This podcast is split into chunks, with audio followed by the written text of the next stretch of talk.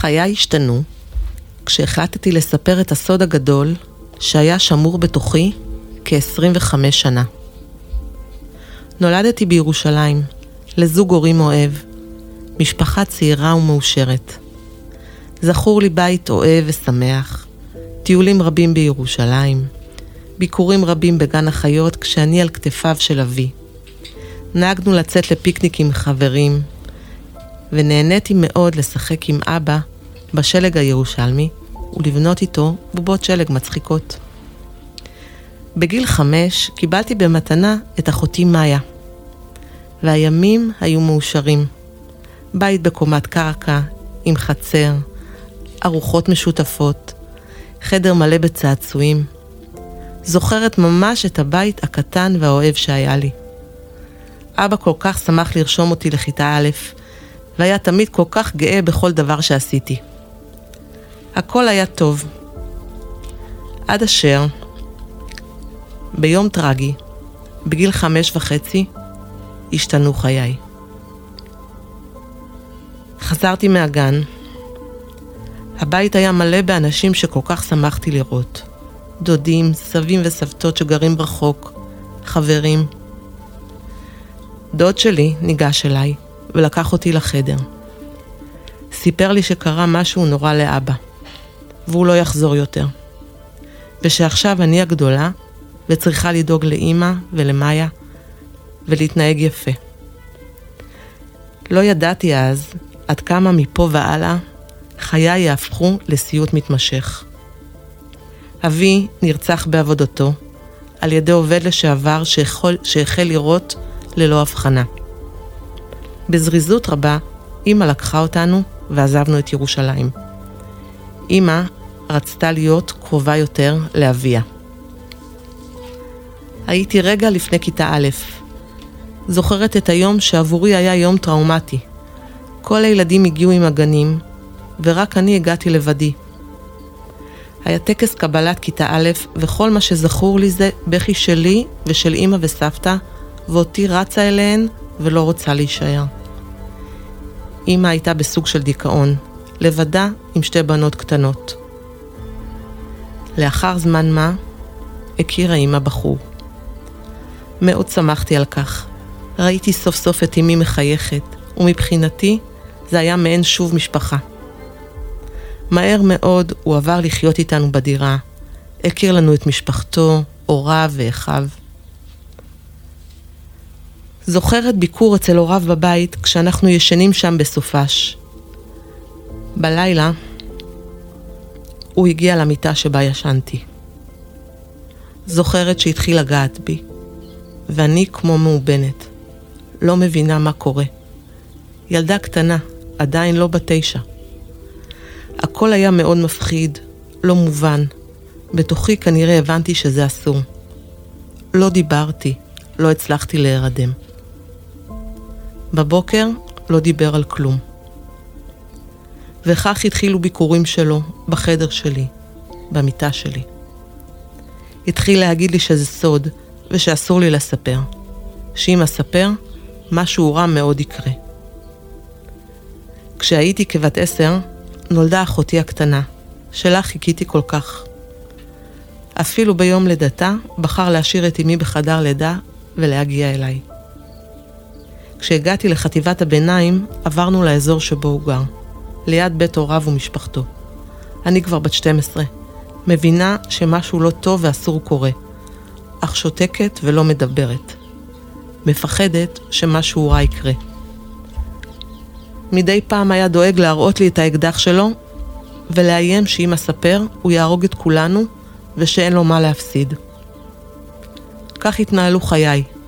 בכל מקום הוא היה. מופיע פתאום, תמיד מתנדב להסיע אותי לבית הספר ולמקומות, ובדרך עוצר בכרמים או במקומות מוסתרים, ומבצע בי מעשים מגונים. הייתי בוכה, מתחננת שלא, שדי, מבקשת ממנו יפה, אך כלום לא עזר. בבית היה טרור. הכל היה בשליטתו. היה אוסר עליי יציאות ובילויים. וכשאלו קרו, זה היה אחרי מריבות בבית, התפרצויות שלו, שבירות חפצים והפחדות. כולם היו נבהלים ממנו, וזוכרת בבירור את אחותי הקטנה צורחת בבכי ורצה החוצה. כל בגד שלבשתי היה צריך לעבור את האישור שלו. פרטיות לא הייתה לי. מדי יום היה מחטט לי בחפצים, לראות שאין אף ילד שאני נפגשת איתו. בערבים היה שולח את אימא שלי לחברה, ומגיע אליי למיטה. בכל רגע שהייתי לבד, ואף אחד לא היה רואה, היה שולח ידיים ונוגע בי. גם באור יום, וכשיש אנשים בבית. זכורה לי פעם שאסף אותי מבית הספר, ואמר לפני, שלפני שמגיעים הביתה, עוצרים בדרך. התחלתי לבכות ולהתחנן, וכדי לנסות להרגיע אותי עצר במסעדה. אך שם דאג להראות לי את האקדח שלו, ולהזכיר לי שלא כדאי לי להתנגד. הפנים שלו היו ממש משתנות מעצבים, וזה היה מאוד מפחיד. ניסיתי להסתכל לצדדים, אולי מישהו יראה. תמיד היה אומר שבגיל 18, כשאלך לצבא, זה ייפסק. בכל השנים האלה הייתי תחת איומים והטרדה מינית ואונס מתמשך. בטיולים משפחתיים, בקמפינג בכנרת באוהל. גם כשהיו איתנו עוד בנות באוהל, אפילו מבני משפחתו. חיכה שכולם ירדמו והיה מגיע. מדי לילה לפני שהיה מגיע, הייתי נכנסת למיטה ומתפללת שמשהו רע יקרה לו, אך כלום לא קרה. שמעתי פעם סיפור על שכשיבוא המשיח תהיה תחיית המתים.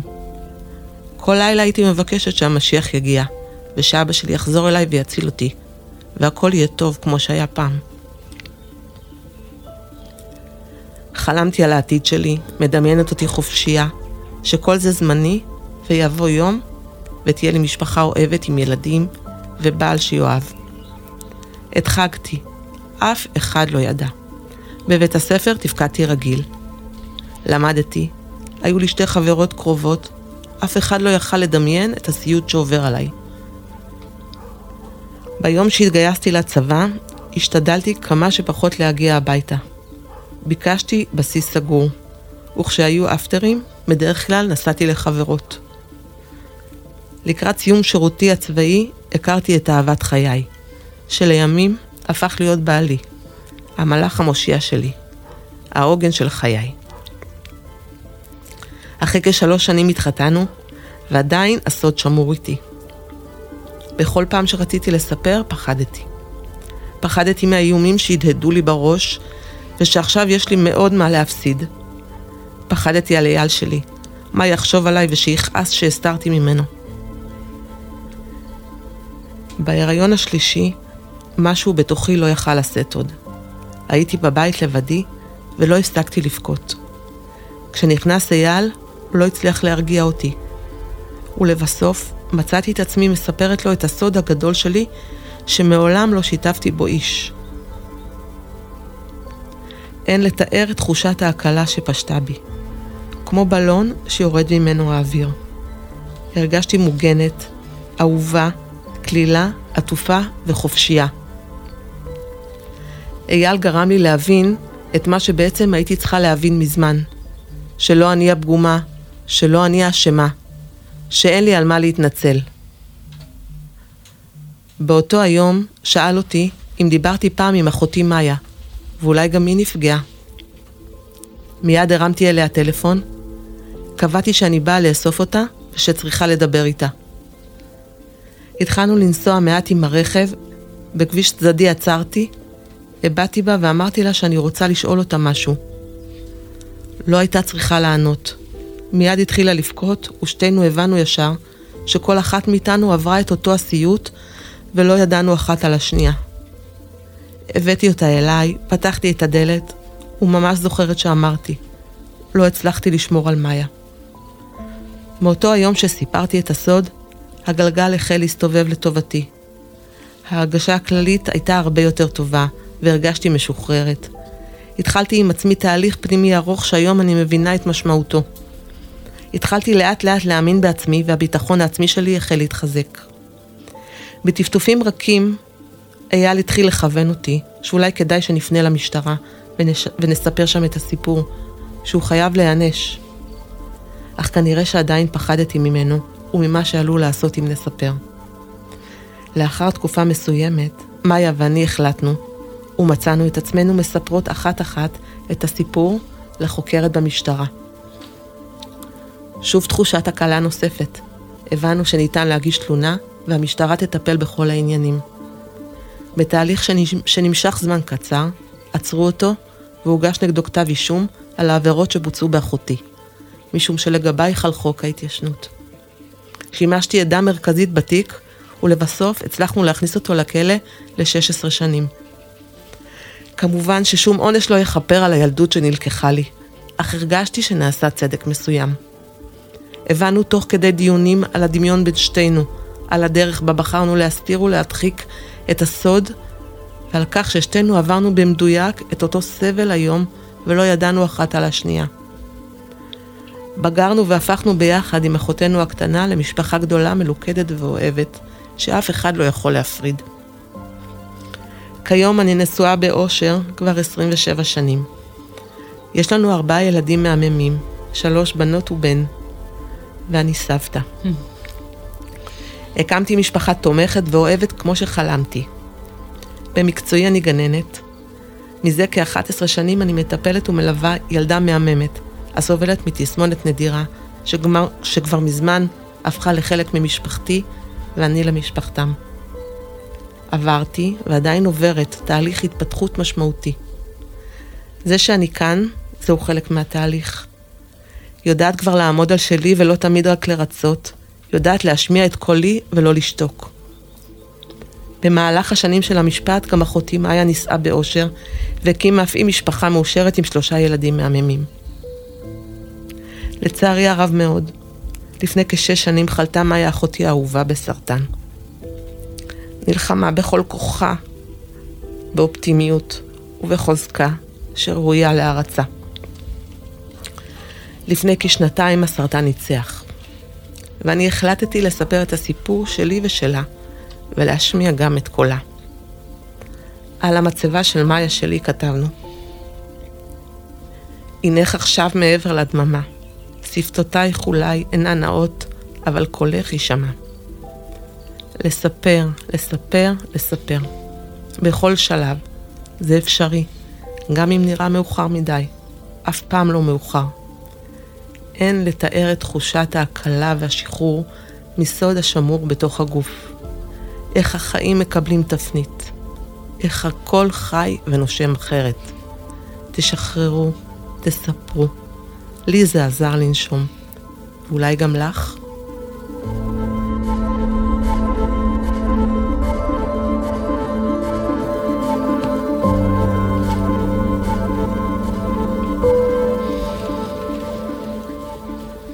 חני,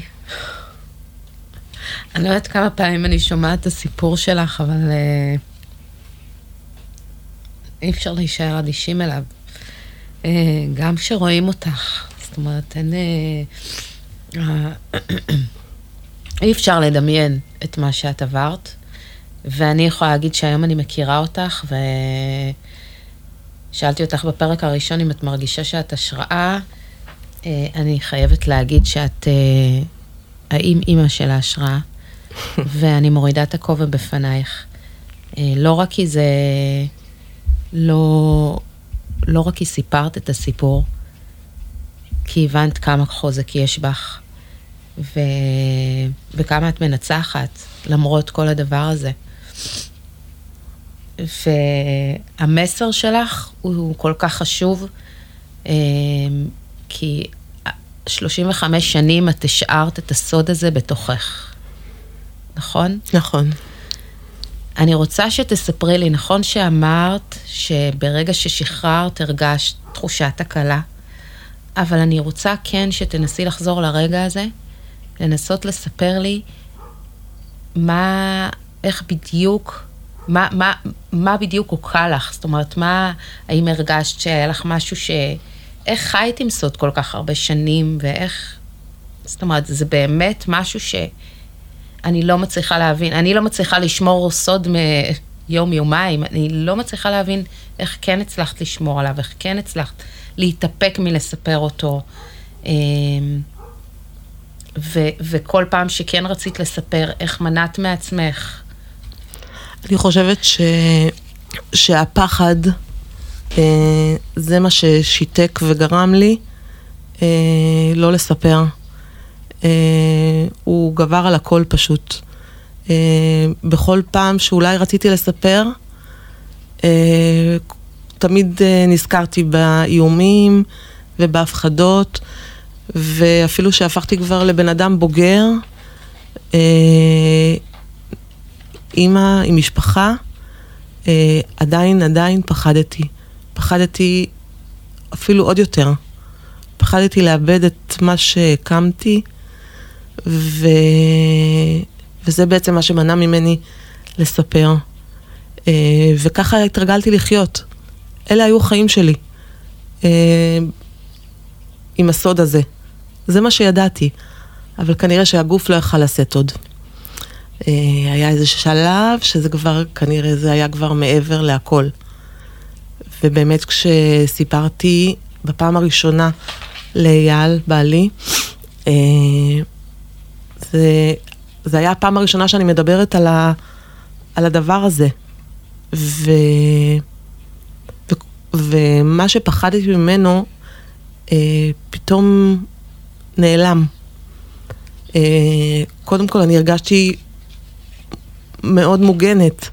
אייל נתן לי תחושה ש, שאני בסדר, mm. שלא אני אשמה, אה, ושהוא פה בשבילי. הרגשת פגומה לפני? אה, היו, היו רגעים ש, שעבר לי בראש שיכול להיות שאני אשמה. אני כבר אחרי זה, אבל אה, בעבר אה, עב, עבר, עברו בי מחשבות כאלה. ופחדתי אה, פחדתי לפרק את מה שבניתי אחרי שהכרתי את אייל, אמ, למרות שידעתי תמיד שיש על מי לסמוך, אבל בכל זאת היה בי איזשהו פחד שזה, שהכל ילך לאיבוד. וגם לפני כן פחדתי ש... ש... שהוא יממש את האיומים שלו, ובאמת, מה שהוא דאג... האבא החורג. כן, מה שהוא דאג להזכיר לי כל השנים, שזה באמת יקרה. אה, ואז כשסיפרתי את זה הבנתי ש... שהכל אחרת. ושאני מרגישה הרבה הרבה הרבה יותר משוחררת ומוגנת ועטופה והקלה, ורק אז התחלתי להבין איך באמת יכולתי לחיות בצילו של סוד כזה. וואו. מה היית רוצה להגיד לחני הקטנה היום? אמ, שהיא לא אשמה. Mm. ו... וגם אם לפעמים יש מחשבות שאולי יכולת לעשות אחרת, אה, כנראה, ש... כנראה שלא יכולת לעשות אחרת. אה, והכל בסדר. באמת, ממש. אה, חני, אחד הדברים אה, היותר חזקים בפרויקט הזה, אה, ובטח בסיפור שלך, זה שזה נעשה בקהילה. זאת אומרת, בסופו של דבר את עמדת מול הקהילה בפעם הראשונה, שבאמת כתבת את הסיפור שעבדנו כן. עליו יחד, ואז עמדת מול הקהילה וסיפרת אותו. אה, אני בטוחה שכל הסי... הקהילה ידעה על הסיפור שלך, כי זה משהו שהתפוצץ בסוף. הוא הלך לכלא, את גרה בקהילה מאוד מאוד קטנה.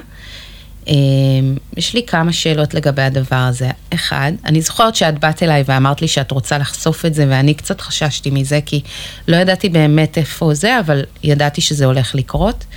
אמ, איך הרגשת עם זה שזה הולך להיפתח בקהילה זו שאלה ראשונה? והשאלה השנייה היא, איך הקהילה קיבלה אותך אחר כך, אחרי הסיפור? כשהסיפור נפתח אה, בזמנו, בזמנו והיינו בתהליך של משפט. ל-20 שנה זה היה בערך, נכון? אה, כן, בערך. כבר השתחרר מהכלא. כן. והסיפור נפתח, ומן הסתם, אנחנו באמת, כמו שאמרת, בקהילה קטנה, אז אה, כמובן שהיו תגובות. המקום שבו גרתי, שמעתי כל מיני, איך היא שתקה, איך זה יכול להיות, אם היא לא סיפרה עד עכשיו. אה, מה היא רוצה להשיג, כל מיני דברים הגיעו אליי, אה, הגיעו לאוזניי. אה, מעבר לזה כל המשפחה שלו גרה במקום שבו אני גרה, וזה לא היה פשוט. באיזשהו שלב נותק הקשר כמובן, וכשפתחתי את זה לפני כשנה ועליתי על הבמה בקהילה, אה, אני פשוט אה, עליתי בביטחון ודווקא, ודווקא ברצון רב מאוד שאנשים יבואו ולשמוע באמת אה, את, ה, את זה מהפה שלי. שלך.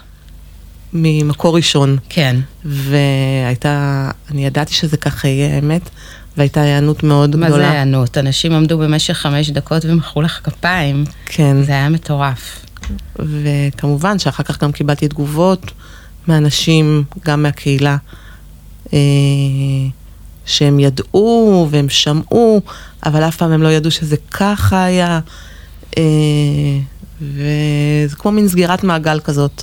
את מרגישה שאחרי הערב הזה התחלת ללכת אה, קצת יותר זקוף מול הקהילה, או שזה לא, לא ברמה הזו? זאת אומרת, מהרגע שהכנסת אותו לכלא אולי היה שם, או מהרגע ששחררת את הסיפור, בזמנו כשהכנסת אותו לכלא, אבל אה, אחרי הערב עצמו הרגשת ככה יותר, כי אני בטוחה שהיו מתלחששים גם אם את לא יודעת על זה, כי זה כן. טבעם של אה, אנשים ושכנים, תמיד למ- למלא את הידע במה שכאילו יודעים. אז הרגשת ככה שעשית, שניצחת ב- בעניין? הרגשתי, כן. הרג... קודם כל הרגשתי ש... אה, סיפקתי את ה... לכל אחד את היצר הסקרנות שלו, וה... עכשיו כולם יודעים בדיוק כן. ממני, אה, בלי לשאול, ו... וזה עשה לי טוב מאוד, כי אני המשכתי לגור באזור שבו גרתי כשהייתי ילדה, לא באותו מושב, אבל זה אותו אזור. מהמם. ו... ואני, כן, אני מרגישה שאני ניצחתי. מהמם. אם אני הולכת שם ובראש מורם, והילדים שלי גדלים שם. והנכדה, והנכדה. וכן. זה, מבחינתי זה ניצחון. אה, יש לי שאלה שאני בטוחה שכל מי ששומע אותך, כל מי ששמע את הסיפור, זו השאלה הראשונה שהוא רוצה לשאול. אה, אני לא בטוחה שאת תרצי לענות וזו זו החלטה שלך. אה, אבל איפה אימא הייתה. בכל הסיפור? אה, כמו- אני יודעת, אנחנו כן. ישבנו ודיברנו על זה, וזה חלק מתהליך של הסיפור, שאנחנו בעצם פותחות את הכל, והשאלות שאני שואלת אותך אחת על אחת, כשעבדנו על הסיפור, הן מאוד מאוד נוקבות, זה חלק מהשאלה הזו, אבל אה, זה באמת עניין שלך, אם את רוצה לפתוח את זה, אבל אני בטוחה שכולם חושבים על הדבר הזה. אה, כן, כמו, ש, כמו שסיפרתי בסיפור, אני זוכרת את אימא בדיכאון. היא אף פעם לא טיפלה בעצמה, והיא היא פשוט סחבה דיכאון עד היום. עכשיו, אה, במהלך, ה, במהלך השנים, כשעברתי את מה שעברתי, אה, היו, אה, היא יכלה, לעש- היא לא ידעה מה, מה אני עוברת ברמה, ברמה שעברתי, היא כן ידעה אה, שהוא אוסר על היציאות למסיבות ומחטט לי בדברים, כי היא הייתה מתערבת כביכול לטובתי ורבה איתו אה, במסגרת היכולות שלה. אה, ואז היה מגיע לאלימות, לשבירת חפצים, והיא הייתה מאוד מאוד מפחדת ממנו, ו... ובזה זה נגמר. ואף פעם לא סיפרתי לה בדיוק מה, מה אני עוברת, כי שוב, אני אומרת, אני פחדתי ממנו, ואני יודעת שהיא פחדה ממנו גם. אה, הכל היה בשליטתו, זה היה מין אה, אה, חיים בסוג של טרור. אה, אז אה, אימא הייתה בדיכאון, וכמובן שכשסיפרנו לה, אה, אחותי ואני, כשפתחנו את הסיפור, ואחרי שסיפרתי לבעלי, הלכנו לספר לאימא, והיא היא התמוטטה, ומאז היא גם אה, חלתה. אה, היום היא, היום היא ממש סיעודית, והיא בסך הכל בת 73. אה, זהו, זה ה... ואת לא כועסת עליה, שזה אחד הדברים המדהימים, ואני חושבת שזה אחד הדברים גם שגרמו לך אה, באמת להתעסק בעצמך. לא, איך את לא כועסת עליה? אני כועסת על אה, אימא שלי, על דברים ספציפיים מאוד אה, שלא קשורים לעולם הזה, ואת יודעת, אם היא לא נתנה לי משהו, או קצת לא אה, חוסר תשומת לב, או... איך אין לך כעס? איך הצלחת לא לכעוס? אני חושבת שלא הייתי פנויה לזה כל כך, בלכעוס על אימא. היום כשאני מאבדת את הדברים וחושבת עליהם, ואני אימא בעצמי, אמ, זה, זה עובר לי בראש. אה, איך זה יכול להיות שאימא לא יודעת מה עובר על, היל, על הילדות שלה. אמ, אבל אני חושבת על מה ש... איך היא הייתה באותה תקופה, ואני נזכרת, אז הכעס עובר לי. אה, אני כן, אני כן לפעמים... אה, יצא לי לדבר איתה הרבה פעמים ו, ולשאול אותה איך לא קמת ועזת, כי בעצמך לא היה לך טוב. והיא, והיא אמרה לי, היא אומרת לי, שאני צודקת, שהיא באמת לא יודעת איך היא עשתה את זה. היא פשוט אה, חשבה שהיא לא יכולה להסתדר בשום מקום, והיא ממש פיתחה איזושהי תלות. אה, אז זהו, זה, מבחינתי זה יותר רחמים מאשר כעס. Mm. ולקראת סיום, שאלה אחרונה. מה את רוצה להגיד למישהי שמקשיבה לנו עכשיו, והיא סוחבת איתה סוד, אה, עוד מילדות, לא חייב להיות כזה. יש לך משהו לומר לה?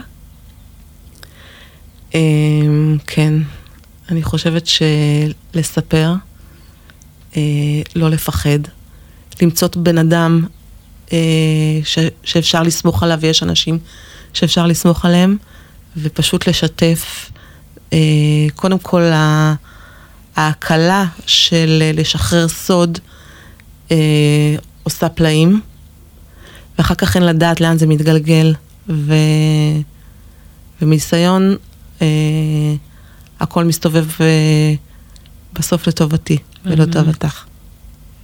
חנילה, תודה רבה. את אמיצה, מהממת, ואני כל כך גאה בך. תודה רבה. ותודה ששיתפת אותנו. באהבה. ותודה לכם, קהל יקר, שהקשבתם והאזנתם. אה, ותודה שוב לנדב, שאירח אותנו כל כך יפה פה, ונתראה בפרק הבא. נשתמע.